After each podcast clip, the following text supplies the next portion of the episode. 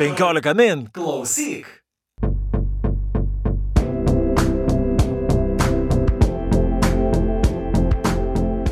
Labadiena, 15 min skaitytojų ir klausytojai ir po e, kurio laiko pertraukos e, sveikinasi su jumis laida perskaitimai ir mes, kaip visuomet, jos vedėjai, aš Audrius Ošalas. Ir aš Juratė Čerškutė. Ir šiandien pakalbėsime apie knygą, kuri e, na, visame pasaulyje sulaukia tikrai įvairiausių aptarimų, įvairiausių vertinimų, taip pat ir įvertinimų. E, knyga, na, kuri tikrai nepalieka abejingų, yra, tai yra Marik Lukas Rainevelt knyga e, Vakaro nejauka ir e, šią knygą lietuvių kalba išleido Baltos lankos. Ir su mumis šiandien apie šią knygą kalbėsis, šią knygą iš landų kalbos išvertusi Aušra Gudavičiūtė. Labas, Aušra. Sveiki.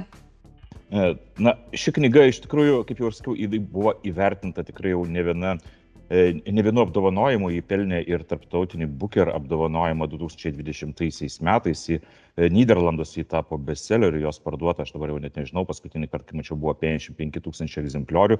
Na ir tai knyga, kaip jau sakiau, kūrinys, kuris na, nepalieka bejingų tuo, kad kalba iš tikrųjų yra labai graži, tikrai labai gražiai poetiškai parašyta, tačiau kartu ir sukelia, na tikrai tikrą neigiamų emocijų pliūpsnį. Aš nežinau, kaip tau, Juratė, skaitys šitą knygą, tačiau, na, perskaičius aš jaučiausi tarsi prilipo tiesiog prie manęs ta knyga savo tamsiomis emocijomis ir savo tuo paliekamu, na, nežinau, nevilties, tokiu jausmų skausmu. Toks, atrodo, kad norisi nusiplauti po šitos knygos perskaitimo. Jinai prilipo, bet aš turbūt būsiu iš tų retųjų, apie kuriuos ir aušra užsiminė savo interviu. Aš aišku negaliu taip šimtų procentų sakyti, kad aš ją skaičiau su malonumu, bet man buvo su malonumu matyti ir aš manau, mes šiandien ir su aušra apie tai pakalbėsim, nes šita knyga beje mane netikėtai gražino prie Zygmundo Freudo ir jo tokio mažo tekstelio būtent apie nejauką. Tai aš tiesiog matau, kaip jinai yra talentingai uh, sukomponuota ir aš ko gero gero eičiau diskutuoti su visais, kurie sako, kad šita knyga yra, na, tik tai brutalumo tokia išraiška, aš visiškai su tuo nesutinku, nes man kas turbūt darė įspūdį, kad mes ir ką tu jau audriau paminėjai, kad vis tik šitą knygą rašo uh, poetas ir ta poezija jinai labai įdomiai koreliuoja šalia tokio archainio gyvenimo grubumo ir turbūt irgi dar kalbėsim ir apie tą instinktų tokią raišką, kur tikrai va, šita, man atrodo, laukia, kur mes skaitom tas nominuotas, apdovanotas knygas ir jos yra ir madingos, ir populiarios, ir politkorektiškos, ir vis visaip kaip teisingiausiai šneka apie dalykus, tai šita knyga iš tikrųjų kaip aušra ir gražiai sakė, yra šiek tiek išvirkščiai ir aš iš karto aušra noriu tavęs klausti, nes besiroždama šitam pokalbiui aš peržiūrėjau interviu ir su pačiu autoriumi, ir su knygos vertėja, kuri vertė į anglų kalbą, tai yra Mišelė Hutchison. Ir jinai atsakė, kad jai verčiant buvo labai na, sunkių vietų, apie tai ir tu esi užsiminusi, ir kad jinai versdama tos pačius sunkiausius pasažus, tą darydavo anksti ryte, bijodama, kad jie nepersikeltų į jos košmarus. Tai kokia yra tavo patirtis verčiant šitą knygą? Ar irgi kažkaip dėliojai ko, kada sunkiausius versti, kada lengviausius ar kaip viskas vyko. Mhm. Tai ačiū, kad pakvietėte šitą laidą, e, didelė garbė. E, na, apie e, Reinevelt vertimą, tai galiu pasakyti tokią pirmą reakciją, kai gavau knygą, tai iš tikrųjų labai apsidžiaugiau, žinoma, buvau girdėjusi apie jos apdovanojimą ir tą garbingą premiją, kurią Olandai gavo pirmą kartą, tai pirmą kartą jų autorius pelnė e, šią, šį apdovanojimą. Ir labai nudžiugau, va, būtent dėl to galbūt tokio agrarinio fono, e, nes tai pajutau, kad tai bus e, turtinga knyga su, su tom visom savo realijom ir toksai tirštas tas tekstas. Ir tai tikrai aš supratau iš pat karto, kad tai bus išbandymas man kaip vertėjai, nes uh, iškart taip pat jaučiasi poetinis, poetinis ligmuo, tai visą tai labai džiugino. Bet ilgainiui, tai va jūsų labai čia tokie tikslus apibūdinimai ir ta savijūta, kaip jautiesi skaitydamas knygą, nes aš pirmiausia, žinoma, taip pat ją skaičiau. Ir ta savijūta tokia labai keista, jinai uh, kažkaip turi tokį stingdomąjį poveikį, sakyčiau, čia tas ledas, kuris yra minimas, na, tai kaip, kaip simbolis gal, kaip figuruoja, kaip tokia priemonė reikšminė, tai tas ledas iš tikrųjų kažkaip veikia. Ir jeigu, pažiūrėjau, verčiant kitas knygas, tarkim, kur, sakykime, siužetas galbūt svarbus arba kažkokie žmonių santykiai svarbus, kiti dalykai, tai norisi tiesiog versti į priekį, o, ta prasme, gena tarsi toks jausmas, klausimas, o kas bus toliau, o kaip bus toliau papasakota, tai čia iš tikrųjų norėjusi stoti ir nebeversti. Iš tikrųjų buvo tikrai ne, ne vienas toksai momentas ir paskui tiesiog reikėjo save suimti ir užbaigti tos knygos vertimą. Ir beje, vertėjas sakė, kad jai sudėtingiausia buvo versti tuos su incestu susijusius epizodus, o kaip tau, kas, kas, kas tau šioje knygoje buvo na, sunkiausia emociškai?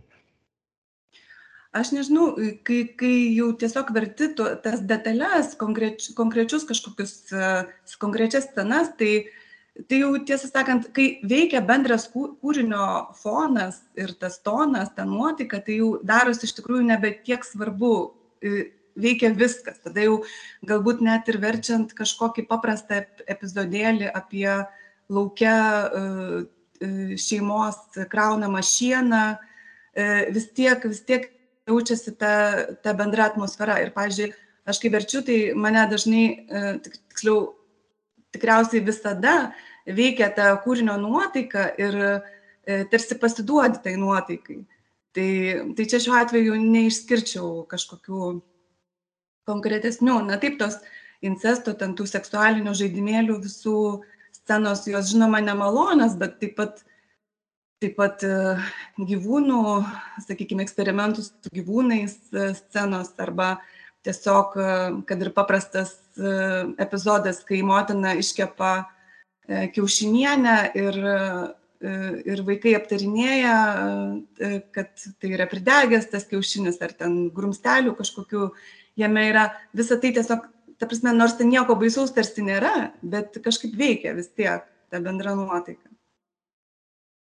O kalbu, mhm, taip, yra. Ir aš galvoju, gal mes kažkaip turim dar tokią įžangą, nes iš karto jau ėmėmės temų, turbūt pasakyti, e, nežinau, Oša, man įdomu bus klausti ir tavęs, apie ką tau yra šis romanas, bet romano sužetas prasideda, kada pagrindinė herojė Jopėje yra 10 metų ir mane šiaip iš tikrųjų nukirto e, pirmas sakinys, toksai nu, visiškai paprastas, ar ne, pacituosiu, man buvo 10 metų ir aš nebesu, nebenusirengdavau Jopės citatos pabaiga ir tiesiog e, Jopė pasakoja savo šeimos istoriją, prieš e, kalėdas miršta, čiūžinėdamas ant ledo nuskesta jos vyriausias brolis Matisas.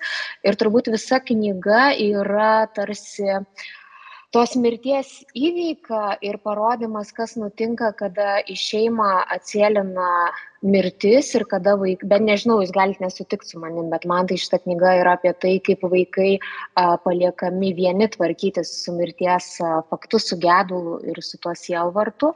Ir aušia, man patiko tavo tas toks truputį kritiškas a, žiūrėjimas interviu, kad a, tu nesutiktum, kad tas toks realistinis ir pirmas e, skaitimas e, tarsi viską pasakytų apie knygą, tai kaip tu sakai žmonėms, vat, na, išverčiau šitą knygą ir apie ką jinai tau yra?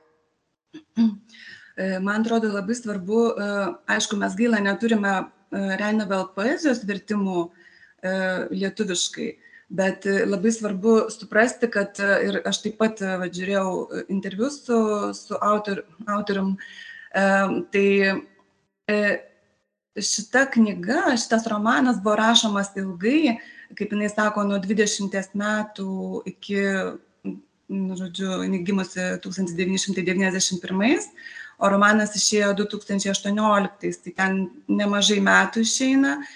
Ir, bet e, tuo laikotarpiu pasirodė jos poezijos rinkinys e, Kalflys, veršiuko, veršiuko plėvė Ir pati autorė pripažįsta ir jos kūrybos e, apžvalgininkai, tyrinėtojai, kad e, galima sakyti, kad e, ta Kalflys, tas poezijos rinkinys, tai yra kaip ir pirmtakas ir kartu jame yra beveik visos tos temos, kurios vėliau išplėtojamos e, vakaro nejaukoje. Ir netgi, tarkim, tas jopės arba, nu, olandiškai tai yra jas, tiesiog paprastas žodis, striukė, čia tiesiog reikėjo suktis verčiant, kad tai būtų tas, tas pats galėtų būti ir veikėjos vardas. Ir tas pats jopės motyvas taip pat labai dažnas to apsauginio kažkokio apvalkalo kokono jos poezijoje ankstesnėje, anksčiau parašytoje. Ir todėl man atrodo, kad tas realistinis toksai psichologinis perskaitimas, jisai kaip ir neatspindi to sakykime, to koncentruotumo galbūt, kuris yra tikrai poezijoje ir kuris taip pat yra ir, ir romane, to na, poetinio pasaulio matymo ir to tokio polinkio apibendrinti viską, apibendrinti ir išreikšti kažkaip koncentruotai. Tai aš tai skaitau kaip tiesiog istoriją apie žmogaus vienišumą, nes E, na, tokį visišką kraštutinį vienišumą, tokį e, netgi, e, na, būtent vedantį į, į nebūtį, nes taip pagalvojus, Olandija yra šalis, kur labai daug gyventojų, tai yra labai tiršta šalis. Ir knygoje mes susidurėm su tiek daug tokių tirštu tuo pasauliu, tai ir, ir kalboje tai atsispindi, tai ir tas ir žemės ūkis, ir, e, ir tos tradicijos, ir religija, ir, ir galiausiai tai yra 21 amžiaus pradžia, jau, jau ir internetas netgi. Yra tiek daug visko pasaulyje, e, bet žmogus jaučiasi toks tiesiog ontologiškai, kaip sakytume, ar ne vienišas, yra visiškai ir atsiribojęs, galbūt net kažkaip sakytum savo norų, bet, na vėlgi, kodėl jis toks atsiribojęs?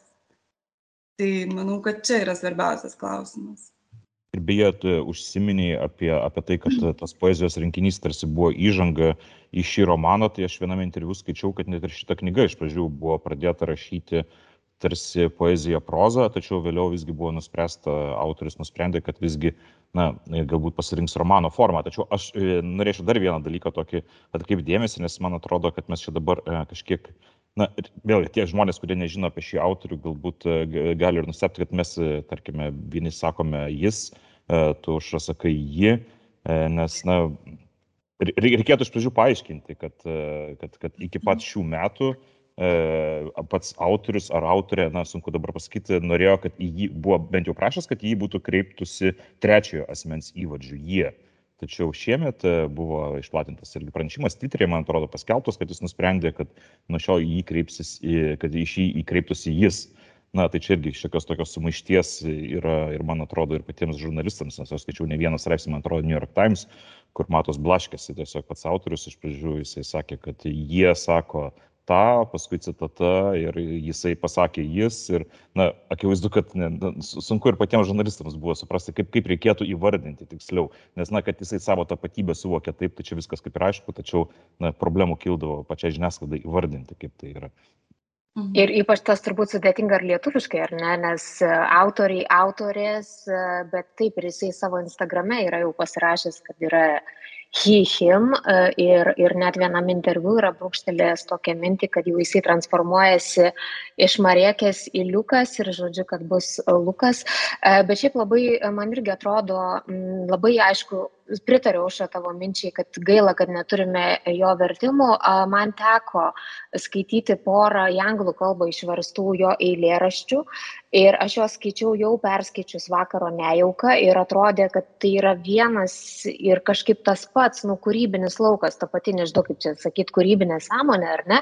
Ir gal jūs irgi pastebėjot vienam interviu, jo klausė, interviu buvo 20 metų lapkritį, kai jūs buvo apdovanotas šituo International Booker Price ir tuo metu jo klausė apie karantiną ir rašytojas sakė, kad jam kaip ir buvo sunku, bet kita vertus labai sekėsi rašyti ir gal dabar aš užbėgu į priekį, bet jis jau yra parašęs antrą romaną, kuris angliškai bent jau vadinsis My Dear Favorite ir ten yra labai įdomiai, kad pasakos apie veterinaro pasirinktą vieną fermerio dukrą. Tai čia toks irgi klausimas, kad turbūt, nu, tai pirma mintis, kas šauna į galvą, kad tai bus tarsi vakaro nejaukos tesinys ir tos istorijos, kuri iš tikrųjų yra užbriešta tik tai punktyrų, kaip Jopė su ses, savo sese nori pabėgti iš to ūkio. Tai auša gal tau teko kažką daugiau apie tai skaityto Olandų žiniasklaidoje, nes dabar man atrodo išėjo jo nauja poezijos knyga, ar ne? E, taip, e, taip. 2020, e, man atrodo, pasirodė tas Menlyve Hinsteling, kaip tu angliškai pavadinai, tai lietuviškai, na, turbūt būtų mano, mano gerasis ar mano mažasis numylėtini, ar mano kažkaip, žodžiu, kažkaip panašiai. Ir taip pat poezijos rinkinys Komensplitzers, tai čia truputį sunkiau būtų išversti, bet E, taip atrodo, kad e, Reinevelt toliau tęsia e, tą tokį tą pasaulį, toliau kūrė tą gyvenimo kaime. Jis matyt kažkaip, aš irgi nepripratus dar sakyti jis, nes pradėjau versti knygą manydama, kad tai yra autorė, moteriška giminė, tai jam matyt yra svarbu, svarbi ta priešprieša tokio e, agrarinio, sakykime, visur galbūt jau daug kur e, vakarų Europoje išnykstančio to pasaulio ir, ir, ir šio laikinio pasaulio, tas, to kažkokio e, kaimo gyvenimo įterpimo į, į tokią šio laikinę sąmonę. E, e, toksai dalykas. Ir mm, taip pat jisai tęsia tas tokias tapatybės paieškas per, per tuos vaikų, sakykime, kaip romanuose, vaikų paauglių personažus ir, ir, ir poezijoje, bent jau kiek skaičiau naujajame rinkinyje Komens Splitzers, tai yra labai ryškus tas tapatybės paieška, bandymas susivokti ir bandymas kažkaip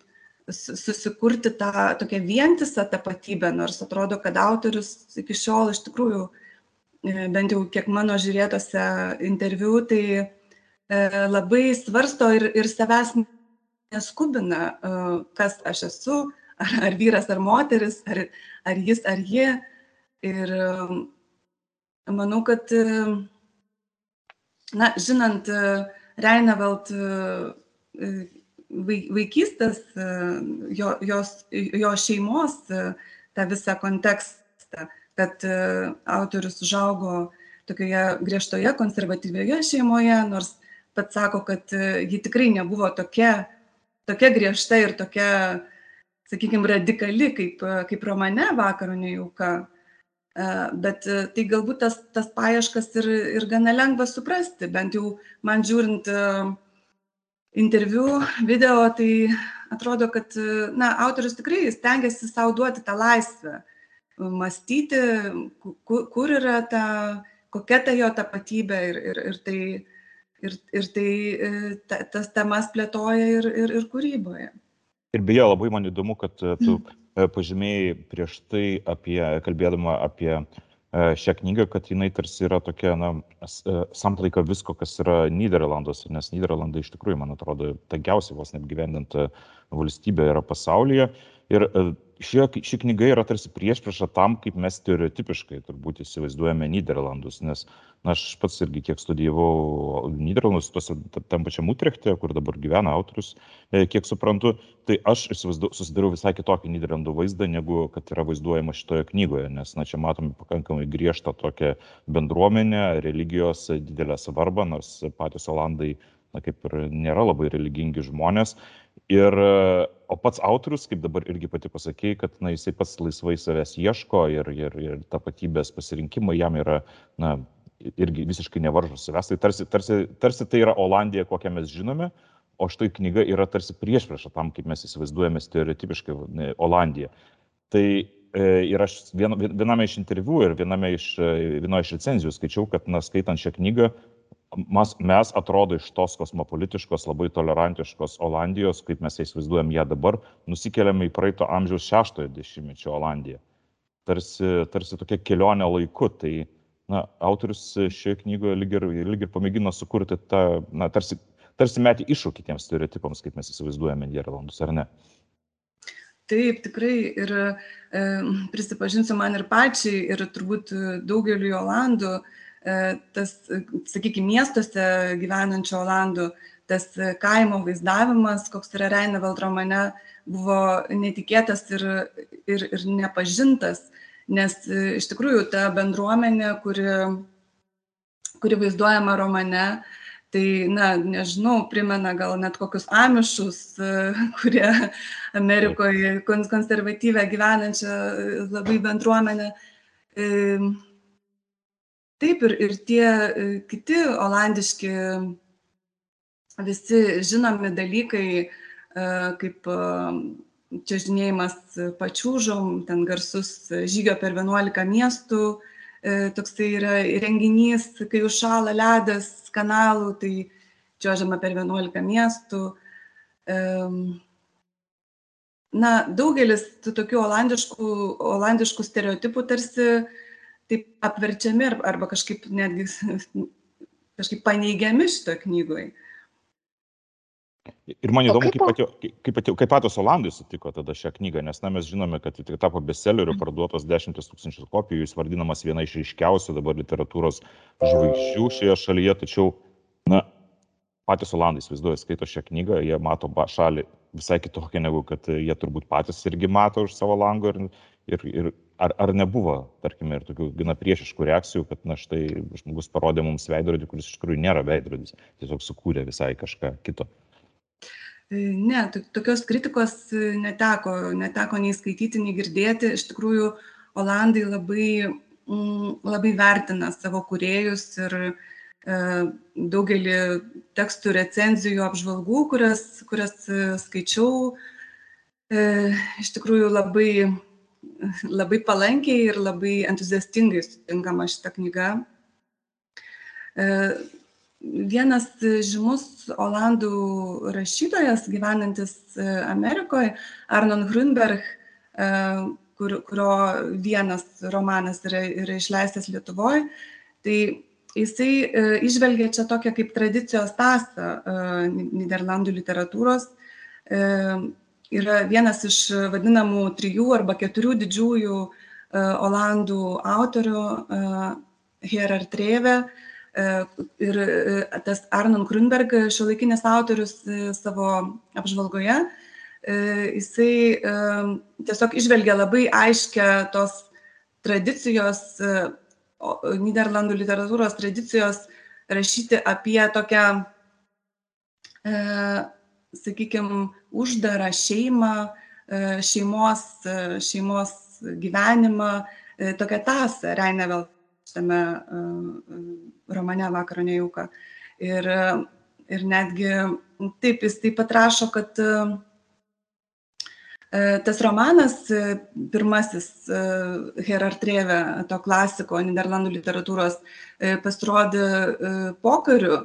Ir, ir Grunbergas rašo, kad iš tikrųjų Reinevelt romane tas gyvenimas atrodo va, taip ir sustingęs, kad tai yra 21 amžius, daugelis ženklų rodo, kad tai yra 21 amžius, bet taip pat tai yra sustingęs tas 20 amžiaus vidurio gyvenimas su, su religija, su, su šeima, su šeimos uždarumu. Tai jisai čia išvelgia kaip ir, ir tokią labai stiprybę šitos Reinevelt kuriamos naujos literatūros. O dar tada, vat, kad pradėjome užnekėti apie olandų literatūrą, tai mes knygoje matome du epigrafus, ar ne, yra didysis, nežinau, ar teisingai ištarsiu, Moriso Gilliams, ar ne, epigrafas nerimas suteikia vaizduoti į sparnus. Ir pirmos skyriaus yra epigrafas iš olandų rašytojo Jano Volkerso, kur, jeigu aš neklystu, lietuviškai yra tik tai išversti jo turkiški saldumynai. Birutė Vižinienė yra išvertus, bet aš suprantu, kiek skaičiau interviu, kad va šitas Janas Volkersas, jis yra labai toks kaip įkvėpimo šaltinis Reinevelt. Tai aušra, kaip tu vis tiek išmanai Olandų literatūrą, kaip atsispindi, ar šitam romane atsispindi va šitų epigrafų veikimas? E, tai taip akivaizdu, Volkersas, jis išgarsėjo gal tokiu savo laisvų, laisvų sakykime, įprastas kažkokias normas peržengiančių rašymų, kuris galbūt sutapo šiek tiek ir su seksualinė revoliucija, tas laikotarpis jo, jo kūrybos. Ir mm, jo kūryboje labai, labai veikia tas seksualumas, atviras geismo, geismo aprašymas ir, ir taip pat mirtis, bausmės, tokio kalties motyvai labai svarbus. Tai Reinevelt taip, jinai, jinai pripažįsta, kad tai yra jos herojus. Netgi vienam interviu girdėjau, kad kai rašė romaną Vakaro nejauka, tai buvo jo portretą prisikabinusi ant sienos ir jau kai baigė rašyti, tai matė, kad iš jo, iš jo portreto matė, kad Volkersas pritarė jai, kad, kad gerai padarė maždaug. Tai taip, o Hiliamsas, Moris Hiliams, tai toks gal labiau simbolistiniai poezijai priskirtina jo kūrybą ir manau, kad taip, taip pat pakankamai to poetiškumo ir tų tokių, jisai beje lyginamas yra Moris Hiliams, kurio, kurio epigrafas naudojamas e, nerimas suteikia vaizduotei sparnus, tai jisai lyginamas su Bodleru, um, su simbolizmo autoriais. Tai Reinevelt romane tas atitikmenų, tokių ieškojimas tarp, tarp įvairių tikrovės lygmenų, tie, tie atitikmenys man tai labai akivaizdžiai. Ir tas toksai nerimas, kuris, na, galėtume jį beveik romantiškų pavadinti. Man atrodo, kad e, šitame romane, kaip, kaip, kaip galbūt daugelį uh, debutinių romanų, akivaizdus toksai jauno žmogaus noras maištauti ir galbūt laužyti daugą ir, ir, ir perimti tą tradiciją ir kartu ją greuti. Ir, ir tas nerimas toks yra kaip variklis. Na ir dabar mes jau irgi pradėjom kalbėti vėlgi apie tą patį nerimą ar apie tas tradicijas ir provokacijas. Tai man atrodo vienas iš tokių ir šios knygos bruožų ir yra, aš nežinau, kaip Juratui skaitant e, pasida, pas, pasirodė, man pasirodė, kad na, autorius netgi taip, na, jis yra negailestingas iš tikrųjų, nes, na, jisai, tarkime, provokuoja, provokuoja, priveda prie tam tikros ribos, kur tu skaitai ir atrodo, na, na viskas, jau, jau pasiekiai savo, jaučiuosi prastai, blogai, visa kita, tos riba jau peržengta, bet jis atrodo, kad apsuka ratą šiek tiek ir vėl naujas ciklas ir užgrebė dar daugiau. Atrodo, kad na, jisai specialiai provokuoja ir galvoja, na, kur, kur, kur yra tos ribos ir ar, ar tos ribos iš vis egzistuoja, nes man atrodo viename, vėlgi, vėlame iš interviu jisai sakė, kad, na, e, jisai šiame romane jis pasirinko būtent e, tuos vaikus kaip personažus, nes, na, vaikai kaip ir ribų nejaučia. Tai jis ir pats rašydamas apie vaikus, pats būdamas autoriumi, aprašydamas juos galvoja, kad, na, jisai gali tų ribų ir nepaisyti. Ar visgi kažką, kažkokios ribos vis dar egzistuoja. E, gal aš dar truputį pareplikuosiu. E, šiaip beje, skaitant, e, aš prieš paimdama šitą knygą, tai jau buvau prisižiūrėjus socialiniuose tinkluose tokių labai emocingų vertinimų. Ten kažkas verkė nuo antro puslapio, kažkas nuo 30 puslapio nebegalėjo kvepuoti. Ir man buvo kažkaip, taip jau aš jau bet čia yra lūkesčio horizontas, ar ne, tu pasiemi ir tu jau laukim, tai jau kur jau čia. Ir man kažkaip, e, žinoma, nei aš verkiau, nei man kažkaip baisu buvo, bet kad tai yra negailestinga knyga. Ir kad, e, vad būtent, kai visi sako, kad jinai yra brutali, tai aš tą žodį brutalus išbraukčiau ir sakyčiau, kad jinai yra negailestinga, nes jinai neria į uh, tos instinktus, prigimtinius instinktus ir čia turbūt dar reikia pakalbėti atskirai apie tai, kaip jis išrašo Erosą ir Tanatos ir išrašo tą galbūt būtent dėl to, kad e, šitame tokiam dualizmo išskleidime mirties ir sekso e, to principo, ar ne, net, net nebelieka jokių ribų, nes jis įrodo vaikus, kurie patirinėja pasaulį, e, pažindinasi su juo, palikti visiškai vieni. Ir tada galbūt, va, iš tikrųjų, kai vaikas yra paliekamas vienas ir gal man, vat, iš tikrųjų, kas širbe, tas toks širpiausias dalykas buvo skaitant, kaip Jopė kalba apie savo santyki su tėvais ir yra net tokia labai graži vieta, kur jinai sako, kad aš tikrai norėčiau tokių tėvų, kurie kalbėdamiesi su manim žiūrėtų į mane ir mane matytų. Tai man turbūt iš vis, aš net beje perskaičius knygą pačioje pabaigoje esu su pieštuku pasirašiusi sakinį, kad tamsa taip ir lieka neįveikta ir nematomas vaikas lieka mirtyje. Man kažkaip vat, yra tokia šitos knygos išvada, bet čia labai susiję va, šitie dalykai ir aš aušros noriu klausti apie kalbą, nes mane kas labiausiai nukirtinėjo, va čia irgi nežinau, gal jūs kažką labai keisto apie mane pamanysit ir gal aš pati apie save pamanysiu, kad mane labiausiai širpindavo visiškai netikėtose vietose išlendantis mažybiniai žodeliai.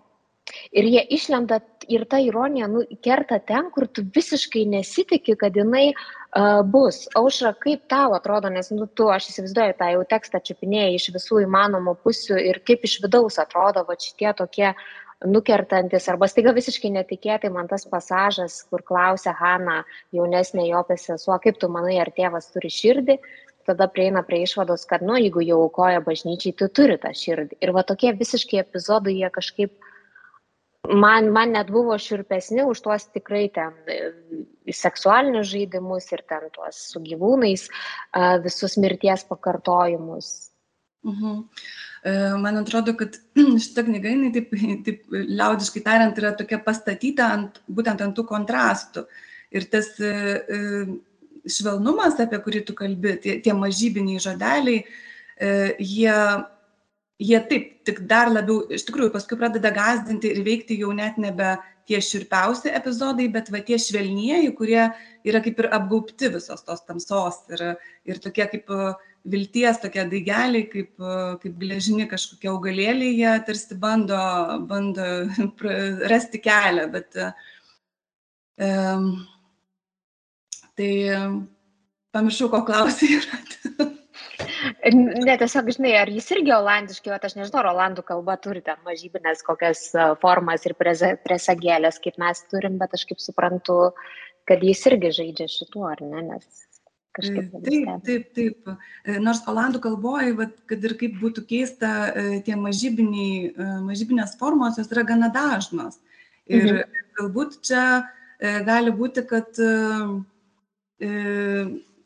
tiesiog ir verčiant jie liko kaip tos mažybinės formos, bet tai nereiškia, kad tai yra būtent e, kažkoks autorės sumanimas, galbūt tai yra kalbos tiesiog savybė. E, bet, bet aišku, šiuo atveju veikia kaip meninė priemonė, kad kaip kontrastas tam visam tokiam žiaurumui, žiaurumui, kuris, kuris vaizduojamas.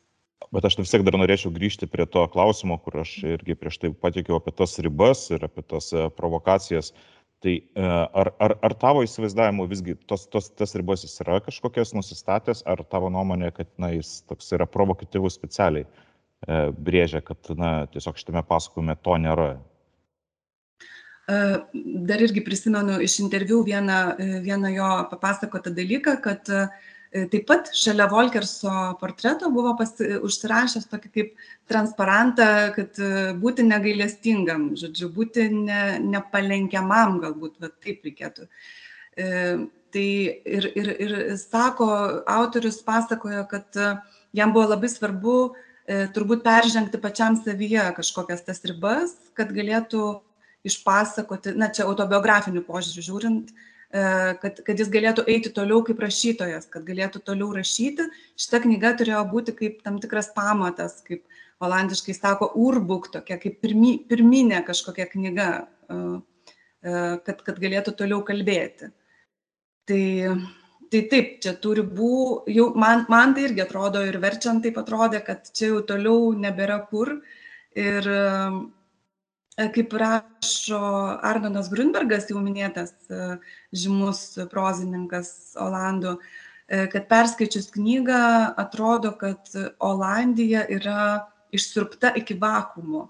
Man tokia mintis irgi pasirodė svarbi, kad tai ir, ir, ir taip pat, kad kūryba, ta žodinė kūryba, jinai, na, čia irgi tokia žinoma mintis, bet uh, kad jinai tarsi jau nieko nebesukuria, tiesiog pati kalba ir save naikina, ir save vėl iš naujo atkuria, ir toksai kaip, um, na, nežinau, galima tai vadinti žaidimu, galima tai vadinti maištu, ribų peržengimu, bet taip atrodo, kad čia jau kraštut, kraštutinė versija to ribų peržengimo.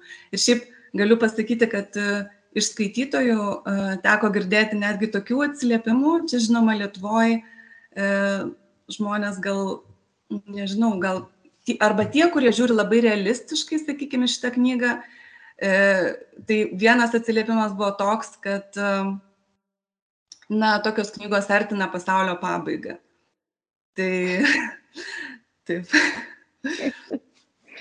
E, aš noriu už tavęs klausti, nes labai gražiai užsiminiai apie tą autobiografiškumą ir gal čia ir audrus pasisakys, nežinau kaip jam skaitant, nes šiaip aš tikrai e, čia pasisakau apie autofikciją ir man smalsu pusę akies patirinėti, kaip autobiografijos veikia fikcijoje.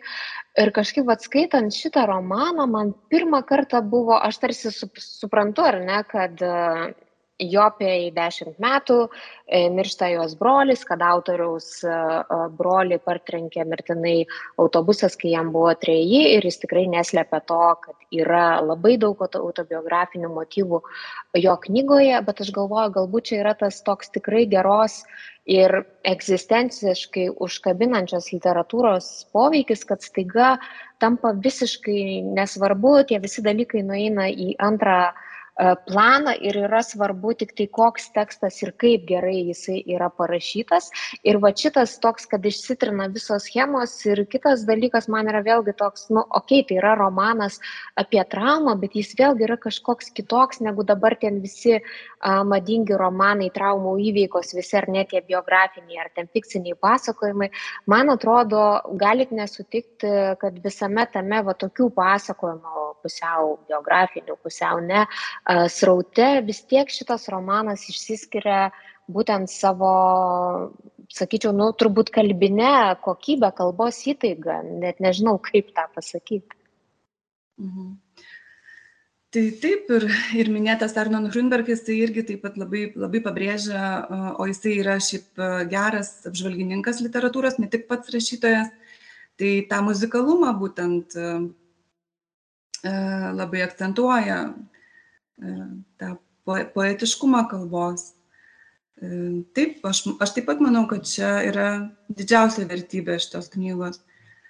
O autobiografiškumas, tai e, man atrodo, kad aš tai apskritai kažkaip linkstu žiūrėti iš, iš tikrųjų į apskritai į kūrybą kaip autobiografinę, sakykime, medžiagą arba um, tam tikru, e, kaip, kaip į tam tikrus etapus, kurie gali apibūdinti kažkaip, papasakoti kažką apie autorių. Tai, tai akivaizdu, kad tai yra e, jauno autoriaus, na, kaip jau minėjau, tos tapatybės paieškos. Ir nežinau, šitas romanas man dar toksai irgi peršasi toks vienas e, apibūdinimas, kad tai kaip, kaip mes turime, sakykime, tuos e, garsiuosius e, asmenybės tapsmo romanus, tie, e, ar ne, Bildungs roman, tas žanras. Tai čia toksai kaip irgi toks atvirkščias išeina tas asmenybės tapsmo, bet jis neįvyksta tas tapsmas, galima sakyti netgi degradacija tam tikra asmenybė. Tai, tai vėlgi čia tokia apverčiama ta tradicija. Tai šiuo požiūriu tai yra iš tikrųjų literatūriškai labai vertingas kūrinys, kur, kuriame galima nu, iš įvairių pusių jį galima žiūrėti ir, ir vis jame kažko atrasti. Ir, ir man atrodo, kad irgi, kad pritariu Juratui, kad na, iš esmės, kalbant apie šitą knygą, bent jau daug kas, bent jau gudrysuose, kiek aš esu skaitęs, tai labai daug kas pabrėžia, kad aš nekenčiu šitos knygos, tačiau yra taip nuostabiai parašyta. Tai man atrodo, kad daugelis ir perskaitę šitą knygą susiduria su tuo, nes na, skaitai, skaitai knygą ir galvoji, kad na, tai viena iš gražiausiai parašytų knygų pastaruoju metu, tačiau mėgautis, tarkim, emociškai ją sudėtinga. Kita vertus, na, daugybė meno yra, kuris yra toks provokuojantis ir kuris yra, na, paliečia tikrai ne pačias teigiamiausias emocijas, tačiau, na, jis daro visai kitokį poveikį. O kalbant apie autobiografiškumą, tai man atrodo, na, čia vis tiek, na, neįmanoma to tiesiog išvengti, nes ir pas autoris daugybę kartų visuos interviu kalba apie tas patirtas traumas ir apie tai, kaip jo šeima irgi, po, irgi kaip jisai pats sako, kad tai yra, įvair, įvair, yra du būdai pagrindiniai, kaip šeima susidoroja su netektimi, tai arba šeima susivienyje ir tampa dar glaudesnė, arba jinai pradeda birėti ir jisai pats sako, kad jo paties šeima, jam pačiam būnant vaiku, tiesiog šeima na, viena, vienam interviu tiesą sakė, kad pradėjo birėti, kitame, kitame sakė, kad galbūt nepradėjo birėti, bet kad jinai smarkiai pasikeitė, tai faktas.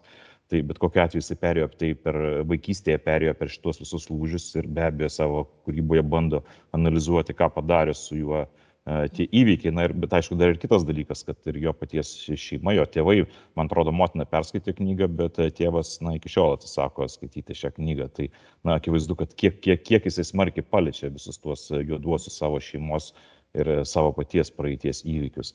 Tai, tai, bet man atrodo, kad čia irgi slypi tame šios knygos paveikumas, kad skaitydama šią knygą, na, suvoki, kad iš, iš esmės kažkas labai gilum, gilumiškai tikro yra šitoje knygoje ir kad, kad visa tai, na, tai nėra vien tik tai vaizduotės kažkoks vaisius, tai yra kažkas labai, labai stipriai viduje palisto.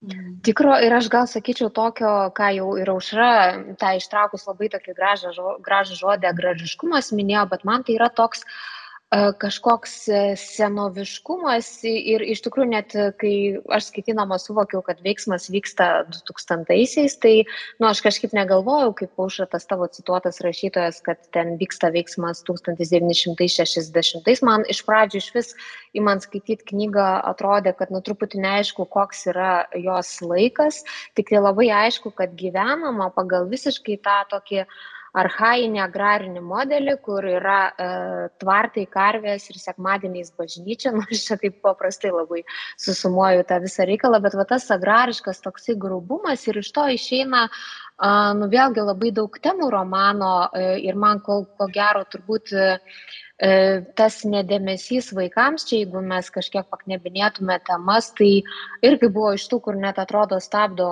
kraujo tikėjimą E, gyslose, kai Jopė, nu, sako, kad jai ant širdies sėdi kažkoks milžinas ir kur jinai taip užsimena, kad, nu, tėvo nuostata, kad vaikai neturi rūpeščių, kad rūpeščiai atsiranda tada, kai tu gauni žemę arba ją paveldi ir jau pradedi rūpintis žemės darbais ir visais ar ne, tais tokiais arhaiškais agrariniais, e, agrariniais reikalais, audriau. Pritartum ar prieštarautum? Aš labai pritariu tau ir iš karto dėl to, dėl radau citatą, kaip tik pasidėjęs e, knygą, kuri labai puikiai apibūdina tą nedė, mhm. E, nemailės buvimo šeimoje ir dėmesio nebuvimo šeimoje. Štai citata, Hanna apglėbė mane, laiko mane suspaudusi kaip savo lėlės po pažastimis. Tėvas su motina niekada mūsų neglebėšiuoja, tikriausiai todėl, kad tada prie kito žmogaus prilimpa kažkas iš apglėbinčiojo paslapčių, lipnių kaip vazelinas.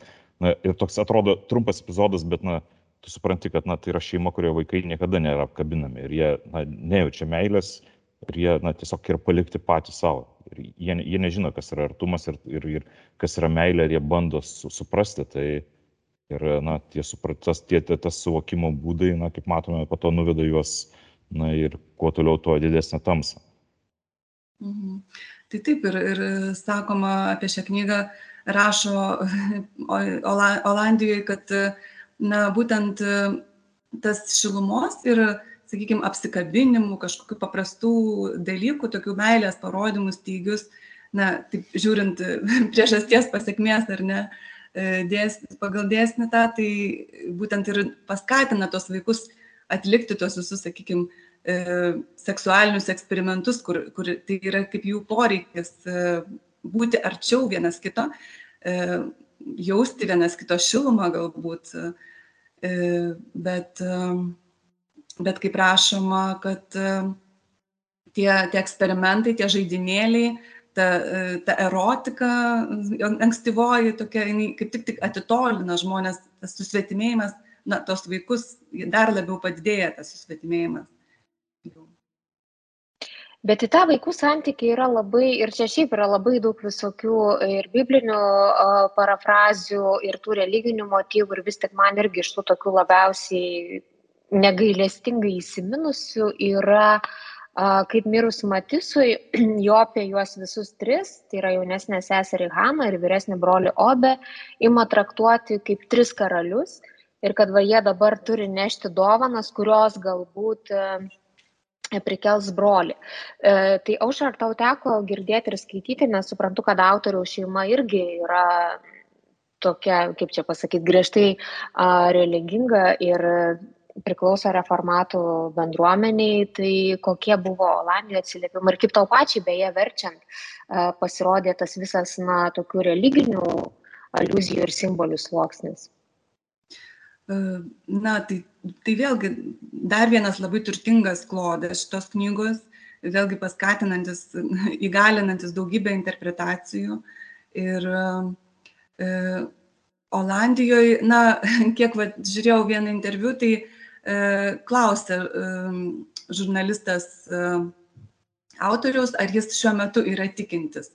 Tai e, Reinavelt e, atsakė, kad ne, kad jam tai yra per daug skausminga tema, kad e, jo dievas, e, e, kurį jisai pažino vaikystėje, buvo toksai baudžiantis, ribojantis ir, ir todėl dabar jisai visiškai nepraktikuoja religijos, nesimeldžia ir neina į bažnyčią. Tai, bet šiaip, tai žinoma, kad mes Niderlandus žinom kaip nepaprastai liberalią šalį ir, ir man pačiai tiesą sakant, aš nepažįstu Olandų, kurie būtų tikintis, dabar galvoju, bet e, tikrai yra labai maža dalis visuomenės. Ir, na, aš manau, kad, e, sakau, daugam turėjo būti iš, iš Niderlandų skaitytojų e, tokia netikėta pažintis su, su šita bendruomenė. Su, nors, kaip minėjau, tai primena E, ankstesnius autorius, klasikus, kurie daug yra rašę apie, apie tą, tas pats Jan Volkers, kur, e, kur, kuris yra kaip e, autoritetas Reinevelt, kuris taip pat, taip pat užaugo grie, tokioje griežtoje reformatų šeimoje. Tai man pačiai, aš, aš gal daugiau netgi esu, tiesą sakant, pažįstu Flandrijos gyvenimą negu Niderlandų. Tai yra taip pat Niderlandų kalbos teritorija Flandrija ir ten e, tenykštėje literatūroje, na, 20-ojo amžiaus antros pusės ypač, e, šita tema religijos ir šeimos ir religinio auklėjimo taip pat yra labai labai svarbi ir, ir tokia 20-ojo amžiaus antroji pusė labai maištingai į ją reaguojama ir į tą religiją yra kritikuojama. Tai um, tiesą sakant, man toks kritiškas požiūris į, į religiją, į jos e, apraiškas, tą religinį auklėjimą, tai nenustebino naip tol šitoje knygoje. Tik tai gal nustebino tas pats kontekstas, kad tai, kad tai egzistuoja šio, šio laikinėje Olandijoje. Ir beje, mes čia kalbame apie, daug apie tą visą prislegiantį knygos svorį ir apie tą niurumą, uh, tačiau vėlgi reikia dar atkreipt dėmesį į humorą šioje knygoje kurioje vėlgi jo yra ir kuris blyksteli tokiose netikėčiausiose vietose. Ir kai atrodo kad na viskas yra pakankamai tamsu iš staiga iš staiga iš visos tos tamsos išnyra irgi ne ką šviesesnis ne toks visiškai groteskiškas humoras autorius. Ir man atrodo autoriui tai, tai buvo tikrai pakankamai svarbu na ir jis ir jis pats duodamas interviu kažkiek ironiškai žiūri ir pasakoja apie save kad jis gimęs tą pačią dieną kaip adolfas hitleris. Ir knygoje mes matome tų tų visų irgi sąsajų su holokaustu. Ir na iš tikrųjų, iš tikrųjų knyga, vienas iš šios knygos paradoksų, kad knyga iš tikrųjų baisiai niuri, bet jinai kartu ir vietomis baisiai juokinga. Ir e, aš norėjau iš karto klausti tokį vieną klausimą, nes aš skaičiau, kad e, vertimas į anglų kalbą, vertimė į anglų kalbą neliko vieno iš epizodų, buvo, nu, kurio buvo nuspręsta neversti, nes jisai labai jau kontroversiškas. Ir noriu paklausti, ar lietuviškam vertime buvo tas epizodas ir kuris tai yra epizodas? Šito pačio norėjau klausti, tą patį turėjau. O aš tiesą sakant, net nežinau, aš matyt būsiu kažką pražapsojus e, epizodas, o koks konkrečiai gal atsimeni? Net, net nemini, nemini, bet tiesiog, tiesiog tas autorius sako, kad jis labai apgailestauja, kad to epizodo neliko angliškam variante ir kad iš tikrųjų jam atrodo. Na, tas... šiaip jau verčiant nebuvo visiškai niekas, absoliučiai nebuvo cenzuruojama kažkaip ar, ar trumpinama knyga, ar keičiamas jos, keičiama apimtis. Ne, nieko nebuvo išmesta. Tai originalas, ta prasme, palikta originalo apimtis iš tikrųjų.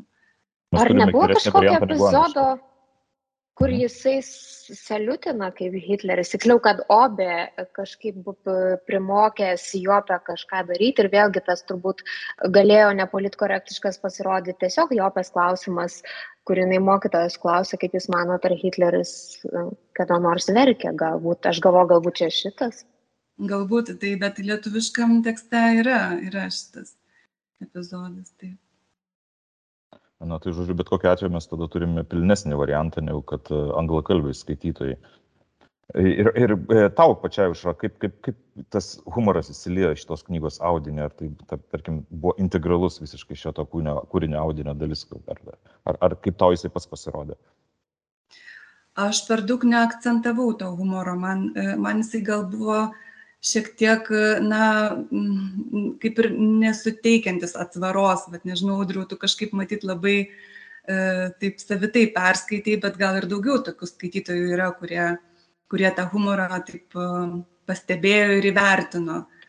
Na, tai man tas humoras toksai gal išplaukiantis labiau iš e, e vaiko tokio pasaulio, to vis tiek šiokio tokio naivumo ir e, galbūt kontrastuojantis su, su kažkokiu suaugusiu racionalumu, racionalumu e, bet, bet kad tai būtų sumanimo dalis, aš, aš taip nedrįščiau teikti. Nežinau, gal, gal aš pati nepakankamai atidžiai skaičiau. Na, bent jau pats autorius tai teigia, kad jam tai buvo svarbu visą tai pateikti dar ir su tam tikrų humoro aspektu, na, bet, bet be abejo, aš suprantu, kad na, daugeliu galbūt skaitytojų tai per šitą visą tamsą neprasišvies ir visgi ir tai. Uh. Šiaip jisai aš irgi pastebėjau ir jis, vat, kaip tauša labai gražiai sakė, kai mes kalbėjome apie tas mažybinės formas, ar ne, kad ten tokie kaip vilties daigeliai, tai tą patį vilties kažkokią žalyną aš dėčiau ir tą jo tokį ne vietom ironija, bet vietom jau iš vis yra net toksai cinizmas, kuris irgi vat, išlenda kaip tos man mažybinės formos, tokia visiškai, visiškai netikėtose e, vietose. Bet man kitas, jeigu leisi, tai aš noriu grįžti prie Freudo, e, nes toks yra visiškai šviežias įspūdis. Aš visiškai atsitiktinai visai kitą mokslinę literatūrą skaitydama, užkliuvau vienoj šitoj 20 amžiaus literatūros teorijų chrestomatijų iš tikrai nedidelio Antano Gailiaus išversto Freudo teksto, kuris taip ir vadinasi nejauka. Ir aš tiesiog perskaičius uh, tą Freudo tekstą, taip tarsi sustingau, uh, nes man kilo klausimas, nu, iš tikrųjų atrodo, kad autorius viską darė pagal šitą Freudo schemą. Ir tada labai vat, įdomus klausimas toksai kyla, ar tai yra tiesa ir ar jis tikrai buvo skaitęs tą Freudo tekstą, aišku, čia už turbūt mums neatsakys į šitą klausimą, arba kaip tik čia vat, yra tas jau ligmuo, kur tiesiog visi Freudo aprašyti e, nejaukos veikimo būdai, reiškia, jie iki tiek yra mūsų žmogiškoji prigimti ir tuose instinktuose, kurių vaikai dar yra beje nelabai išmokę valdyti ir dar ne toks yra nelabai tas įvykęs perėjimas iš natūros į kultūrą, ar ne?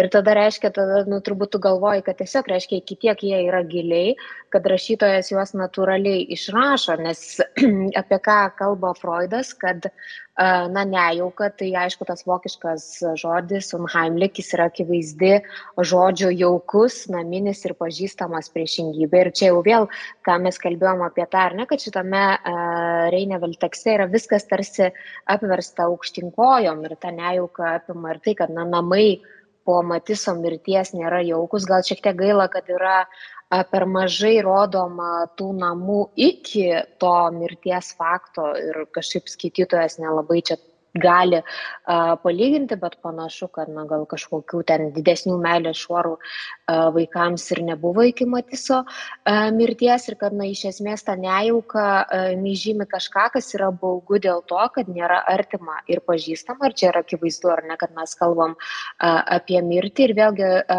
ką turbūt tiksliai išrašo ir tuo Jopės personažu tą prisirišimą prie animistinių, tų visokių maginių dalykų. Ir čia e, Reineveld beje veda tokią burtų logiką ir čia įsirašo, va irgi labai keistai susipina e, ta tokia magija su religija, kur, nu, va, yra toks tikėjimas, kad uh, trys karaliai mes nunešim kažkam dovanas ir, ir atgis, uh, atgis brolis, bet kitas dalykas, kuris esminis yra, man atrodo, iš Freudo ir ką jisai primena, sakydamas, kad apskritai jog žmogus nėra iki galo suvokęs tos frazės, kad visi mes esame mirtingi ir kai mirtis ištinka mes, nesvarbu, su kokiais būtume išsilavinimais ir su kokiom idealiai sukonstruotom tapatybėm, nes čia turbūt šito, šitos knygos toks specifiškumas yra, kad veikėja yra dešimtmetė, kuri tiesiog labai nori uh, pasiekti save ir kai ten mokykloje ar ne vaikai žymisi smeigtuku tašką, kur jie nori nukeliauti, tai jo be nori nukeliauti į save ir kažkaip atrasti tą ramybę savyje, bet pačioj pradžioj yra vienas epizodas, nenoriu taip jau visiškai suspoilinti su ir sugadinti skaitimo malonumo klausytams, bet yra vienas sakinys toks sąlygos ar ne, kur Jopė mintise kalba su Dievu, mini triušį ir brolį. Ir vat Freudo manimų, vat iš čia yra atsiranda tas didysis konfliktas, iš ko išeina ta nejauka, kada na, yra kalbama apie tylą, vienumą ir tamsą. Ir aš šiaip beje, jeigu kas, klau, nu, visiems, kas klausys ir susidomės, tai šiaip tikrai aš manau, jūs nieko nesusigadinsit Reinevelд romano skaitimo lygia greta paskaitynami šitą Freudo tekstuką, nes kažkaip vat, labai įdomiai susikloja ir tada pradedi galvoti, ar čia taip sąmoningai rašytas sužaidė, reiškia iš tikrųjų mūsų uh, prigimti šitie dalykai nu jau taip yra neištrinamai e, įrašyti, kad nebereikia tiesiog jokių schemų. Aušra, kaip tau atrodo mano šitą visą tokią ilgą tiradą? Tai taip, tikriausiai viskas taip ir yra, kaip sakai, e, tiesiog e, man pačiai gal irgi toks labai brangus šito romano sluoksnis, tai yra tas ta gamti, gamtiškoji pajauta, sakykime, tas Jopės ryšys su gamta ir, ir, ir, ir nekarta jinai tapatinasi su gyvūnais arba ir, ir pats, pats Reinevelt e, yra minėjęs nekarta, kad jam gyvūnai iš tikrųjų tas gamtiškas pasaulis jam labai artimas yra. Ir tai e, tiesiog manau, kad šio laikiniai tokioje miest, miestiškoje literatūroje tai apskritai yra labai retas dalykas. Tas, tas ryšys su gamta, jis, aišku, čia jisai toksai, nepasakytum, jis irgi konfliktiškas e, šitam romane, bet e, tas gyvūniškumas toksai, e, na, tai labai, ta, ta, tas, sakykime, gyvūniškas pradas ar ne žmogaus, jis yra labai tikrai stiprus šitame romane ir, ir taip pat na taip, tokia pasąmonės kažkokia gale labai, labai ryški. Tiesiog visas tas romanas tarsi kažkokioj pasąmoniai plaukioja, atrodo, visi, visi tie palyginimai, visi tie perėjimai iš vienų, iš, iš vienų motyvų į kitus, tai, na, tai vėlgi kaip sapnas kažkoks tai galėtum sakyti. Tai aišku, kad Freudas čia labai tinka ir,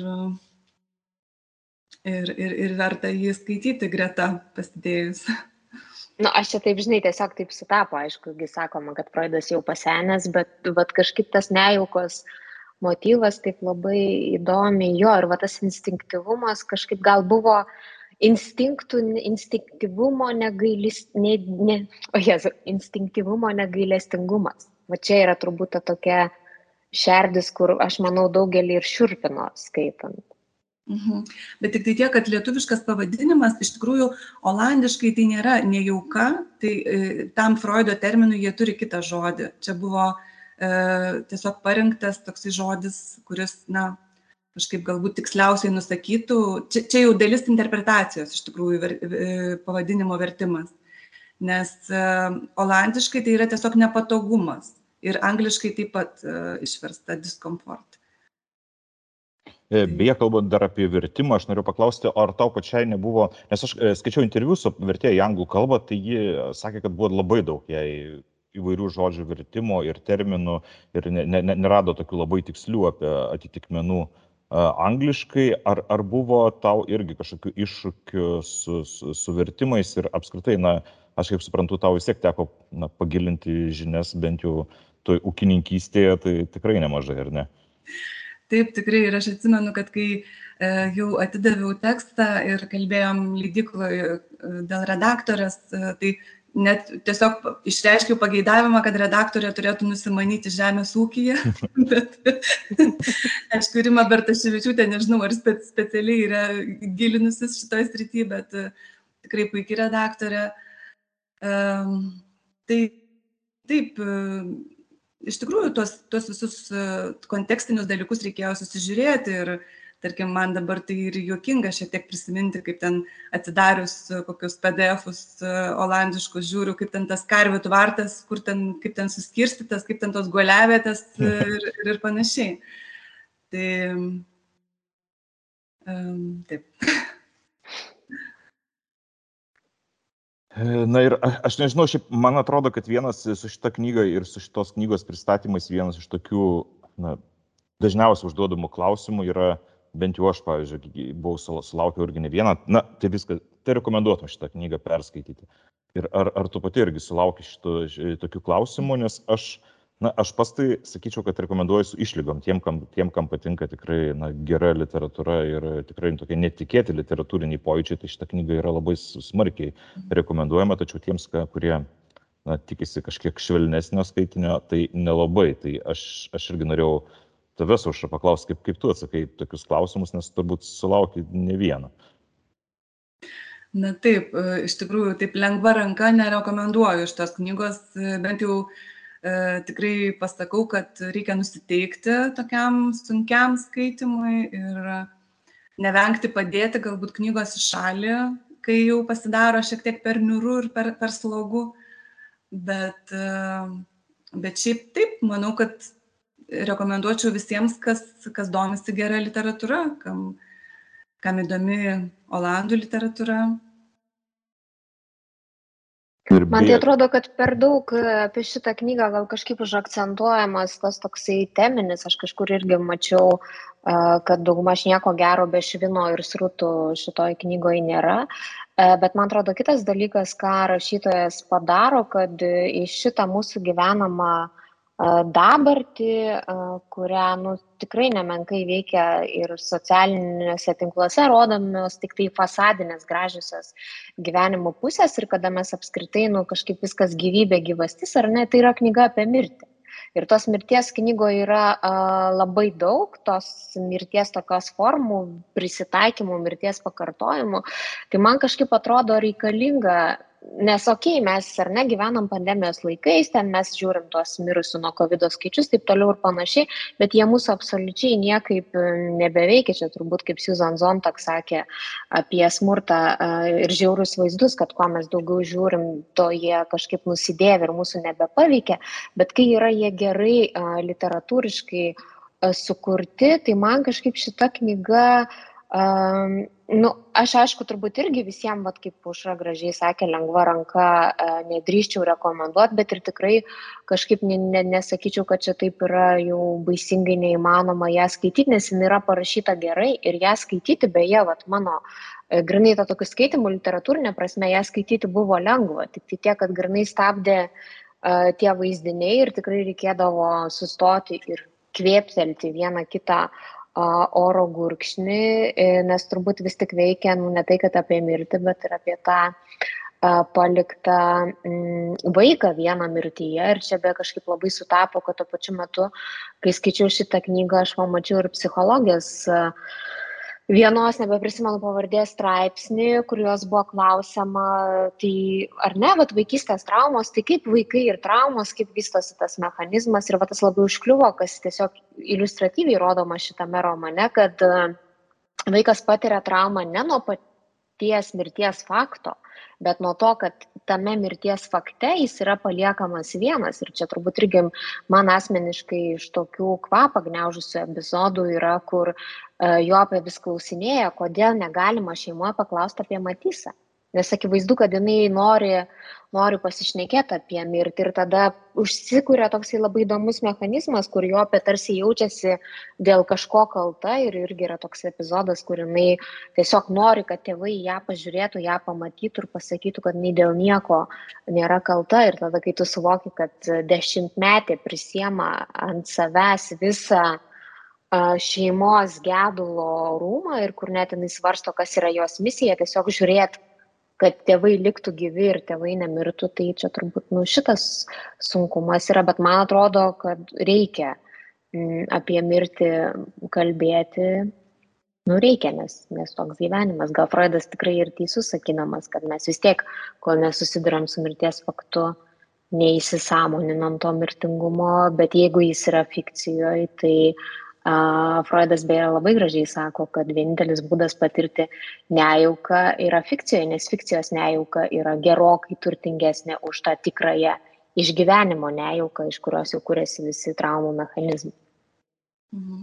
Šiaip labai įdomu, ką toliau autorius rašys, tiksliau jau, jau yra parašęs ir aš tik tai dar nesu perskaičius to antrojo romano, uh, Tai e, skaičiau, kad e, kaip tik Freudas tam antrajam romane, e, mano, mano gerasis numylėtinis, figuruoja dar stipriau, nes tai yra tokia kaip ir aluzija į Vladimiro Nabokovo Lolitą, tas romanas ir tas mhm.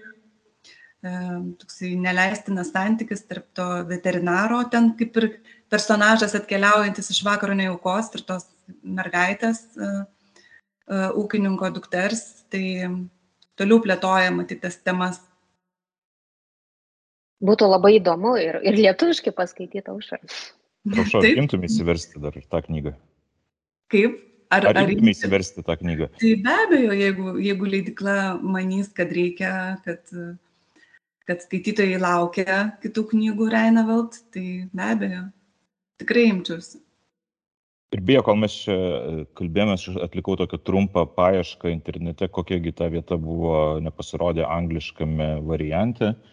Tai angliškas, angliškame variante neatsirado šit, šitas citata ir dabar iš karto net ir suradau knygoje, kur pasakoja išobės išgirsta anegdotą, kodėl Hitleris nusižudė. Ką žinau, nes nebeišgalėjo apmokėti dujų sąskaitos.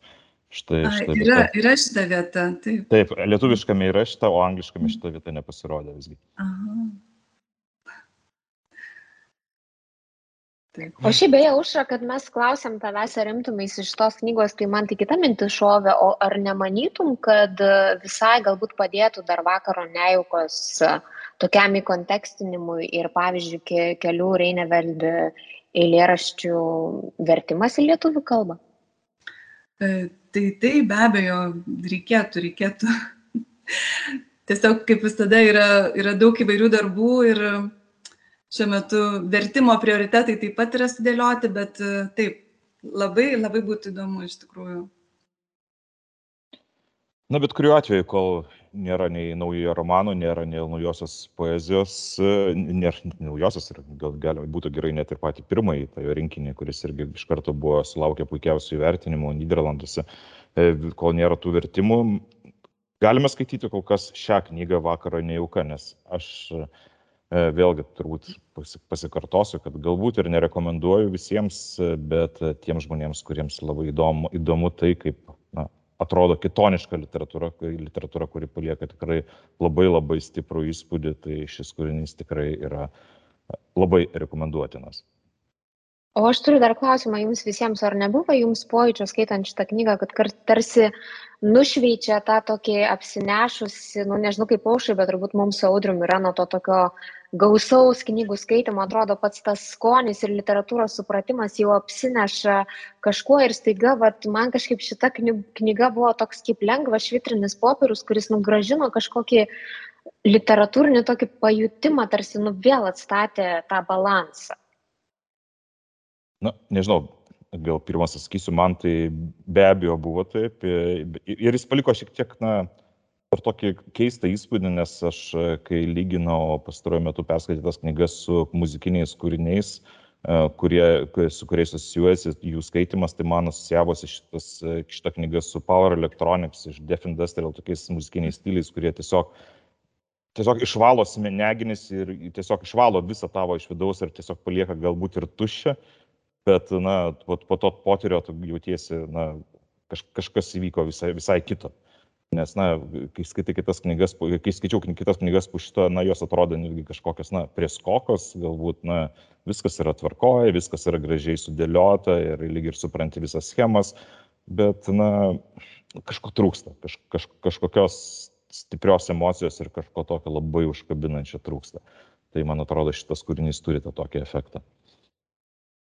Taip, tas autentiškumas iš tikrųjų, jis tai jauti, kad tai yra ne, nesugalvota knyga, ne, nepadaryta, kaip sakoma, o e, jinai tiesiog tuo savo autentiškumu ir tokiu nuožmumu, netgi sakyčiau, man tas žodis taip peršasi, e, mm. jinai kažkaip taip iki, iki kaulų, taip atrodo, persmelkia ir man tai labai tas artimas audriaus paminėta ta tuštuma tokia, kuri atsiveria. E, tai atrodo iš tikrųjų, kad e, kažkaip ir palieka tave tokį iki kaulų, tokį, nu, net be odos, vat, kažkaip šit, šit, šitą knygą, kai, kai perskaitai, toks lieki be odos, tik tai iki kaulų persmeltas to tokio tikrumo.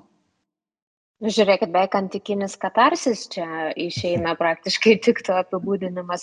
O aušia, kodėl man tokia maža mintis kirba, kad tu dar kažko nepapasakoji, kažkokių, nežinau, istorijų išvertimo ar kokių nutikimų. Taip, tu sakei ten žemės ūkis ir tvartai, bet vis tiek galbūt kažkokių atradimų, kurie tave pačią nustebino.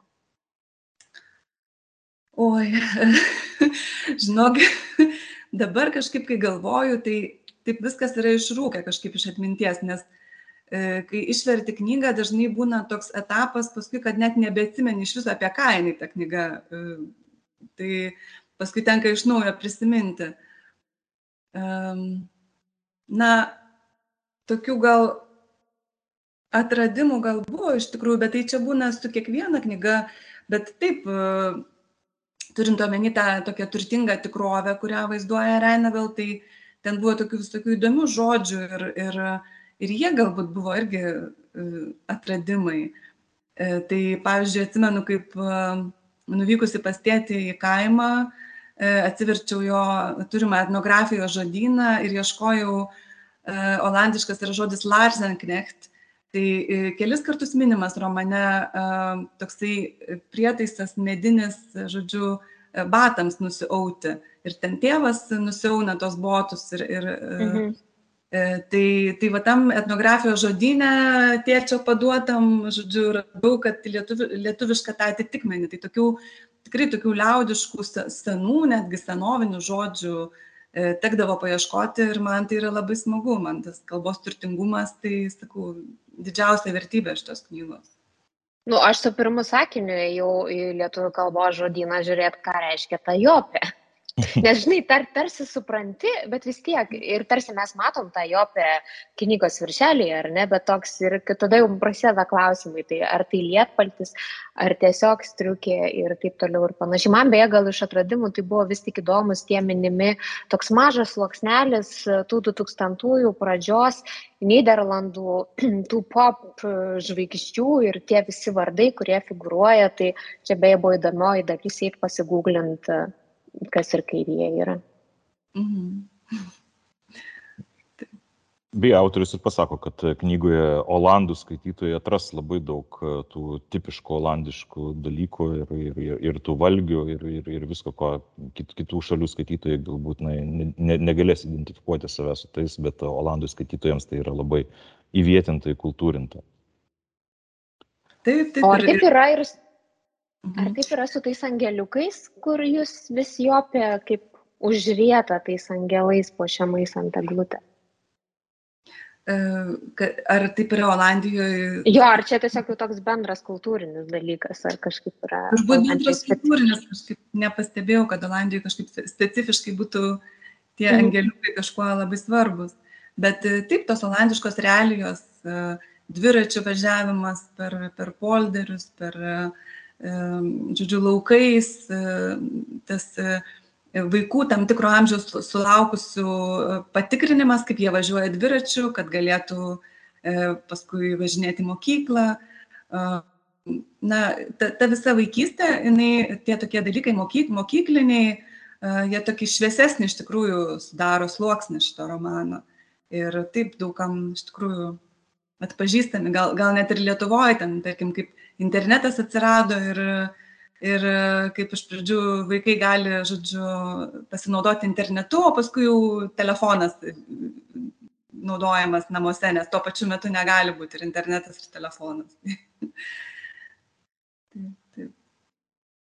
Kągi ir turbūt, man atrodo, jau palėtėm pakankamai daug sluoksnių, pakankamai daug aspektų ir na, aš tikiuosi bent jau, kad tikrai net baidėme nuo Marie Klukas Rainevel knygos vakaro nejauka ir manau, kad na, žmonės išdrys ir tikrai tie, kurie išdrys, na, tikrai atras tokius literatūrinius pojūčius, kurie na, ilgai nepaliks, ar, ar, ar, ar gerąją prasme, ar blogąją, na, čia jau nuo kiekvieno, aišku, priklauso. Na ir be abejo, kaip mes ir kalbėjome per šitą pokalbį, tai yra, na, dar vienas iš tokių aspektų yra, kad, na, pažintis su olandų literatūra, nes olandų literatūros aš irgi prieš tą pokalbį bandžiau susivesti, kiek yra leidžiama, na, leidžiama iš tikrųjų nedaug. Aišku, leidžiama ne tik tai Lietuvoje, visame pasaulyje pabrėžiama, kad olandų literatūra nėra labai gerai žinoma, tai čia šita knyga yra tokia, na, pakankamai neblo, nebloga pažintis su tuo, kas yra rašoma Niderlanduose ir kas yra, kas yra vertinama ten dabar.